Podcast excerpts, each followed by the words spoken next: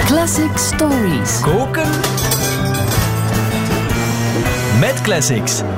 Radio 1. Ja, koken met classics. En deze keer is er eentje voor de feestdagen en lange wintermaanden. Mocht dat nog niet van toepassing zijn, kan je hem altijd nog even in de diepvries stoppen. We bereiden Last Christmas van de onvolprezen George Michael in de vorm van een kerstmenu. Sennegunt, gaan we voor vier gangen? Dat gaan we zeker. We gaan voor een voorgerecht, een melancholisch soepje vol verlangen. Als hoofdgerecht serveren we Juno in lindrumsaus. Als tussengerechtje een procesje van Barry Manilow. En als dessert tenslotte een tiramisu met dubbele bodem. Oké, we zullen beginnen met smikkelen en smullen met het voorgerechtje. Melancholisch soepje vol verlangen. Ja, de basis van een goed kerstrecept is een stevig melancholisch soepje. Er moet een gevoel van verlangen, van warmte, van nostalgie in het nummer zitten. En George Michael gaat dat zoeken in de melodie. Hij gebruikt een trucje waar we het hier wel eens over gehad hebben toen we het over ABBA hadden. Hij gaat telkens de stabiele noot, de akkoordnoot, uitstellen, suspenden. Dus hij doet niet dit, Last Christmas, maar wel dit. Last Christmas. Geland pas op de Christmas. En dan ook bij de volgende. I gave you my heart. Zingt hij niet, maar hij zegt I gave you my heart. Heel een tijd, tweede zin ook. Hij zingt niet this year, maar wel this year. En voelde dat? Ja. Da, da. Er zit toch Het zo... woord gaat even mee met de volgende beat. Ja, da, da. er zit een beetje eh, verlangen in. Warmte, nostalgie. Smartlap. Ja, smartlap eigenlijk. Ja. Ja. En dat, is, dat, werkt, dat werkt uitstekend. Eh, dat werkt specifiek in kerstliederen. Twee jaar later gebruikt ene Chris Ria exact hetzelfde trucje in zijn kerstsingle. Oh ja.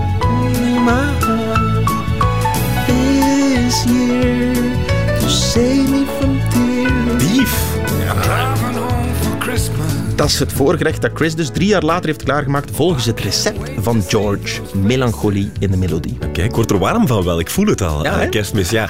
Als hoofdgerecht hebben we Juno in lindrumsaus nodig. Oeh, Wat is dat? Hoe zit dat? Ja, de melancholie die hebben we achter de kiezen nu. En George heeft het hoofdgerecht naar het schijnt min of meer zelf samengesteld op een namiddagtijd in zijn slaapkamer met slechts een synthesizer en een drumcomputer, maar wel twee iconische modellen. De Lindrum is de elektronische drumcomputer van de jaren 80, genoemd naar de maker Roger Lin.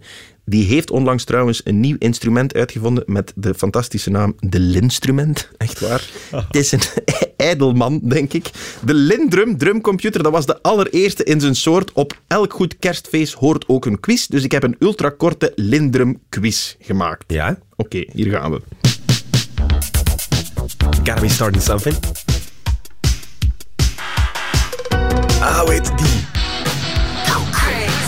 Prince.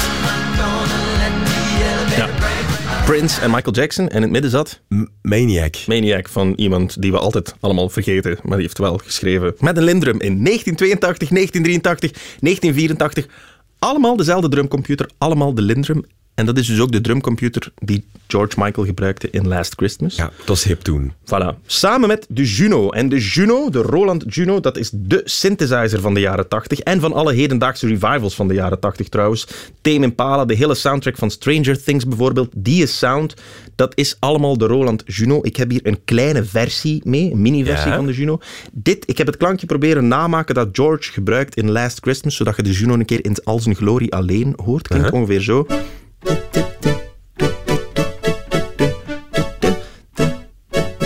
Klaar?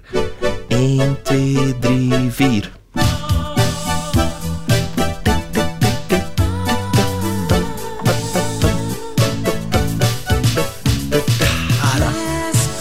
En dan, dan zijn we er, hè. Dan zijn we er. Dan zijn we er in de Lindrum onder de kerstboom. En met de Lindrum.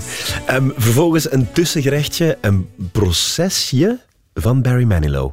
Ja, voordat we aan het dessert beginnen, moeten we heel even stilstaan bij een klein procesje om het hoofdgerecht te verteren. Niemand minder dan Barry Manilow liet aan George Michael per dagvaarding namelijk vriendelijk weten dat hij in 1978, zes jaar voor Last Christmas, al dit gerechtje gekookt had. Oeh, ja. The very next day,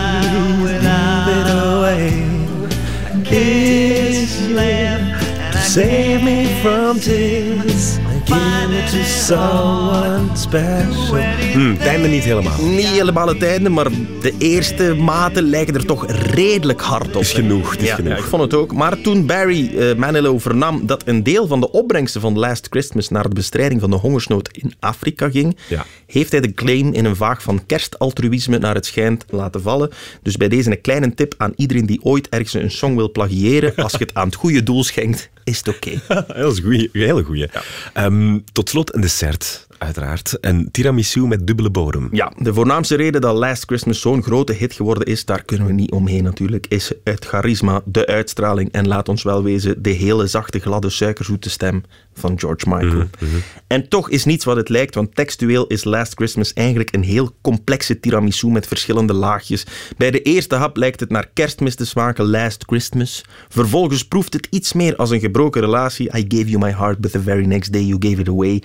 En dan steekt hij daar een fantastische dubbele bodem in door te besluiten met This year to save me from tears. I'll give it to someone special. Na, na, na, na, na. Kortom, het is een heerlijk complexe smaakbom in amper twee zinnen. Smakelijk. Dank u.